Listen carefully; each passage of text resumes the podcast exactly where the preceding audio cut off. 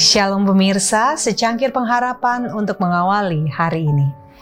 Kita harus bersyukur atas janji-janjinya yang sangat berharga.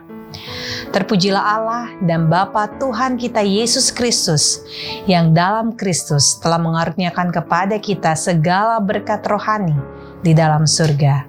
Efesus 1 ayat 3. Apakah kita ingat bahwa anugerah Tuhan adalah baru setiap pagi dan bahwa kesetiaannya tidak pernah gagal? Apakah kita mengakui ketergantungan kita padanya dan mensyukuri segala kebaikannya?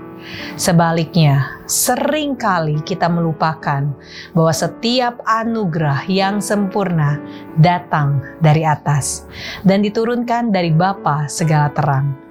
Betapa sering mereka yang sehat melupakan belas kasihan yang luar biasa yang diteruskan kepada mereka hari demi hari, tahun demi tahun. Mereka tidak memberikan penghargaan kepada Tuhan atas semua manfaatnya. Tetapi ketika penyakit datang, Tuhan diingat. Tesimonis jilid 5 halaman 315. Setan berusaha mengalihkan pikiran kita dari penolong yang perkasa untuk menuntun kita merenungkan kemerosotan jiwa kita.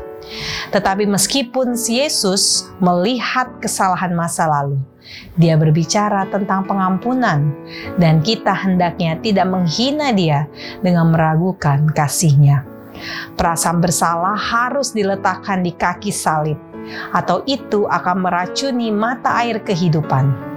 Ketika setan memberikan ancamannya kepadamu, berbaliklah darinya dan hibur jiwamu dengan janji-janji Tuhan.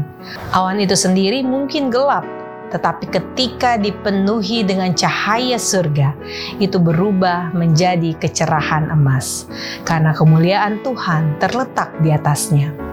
Anak-anak Tuhan tidak boleh tunduk pada perasaan dan emosi ketika mereka terombang-ambing antara harapan dan ketakutan.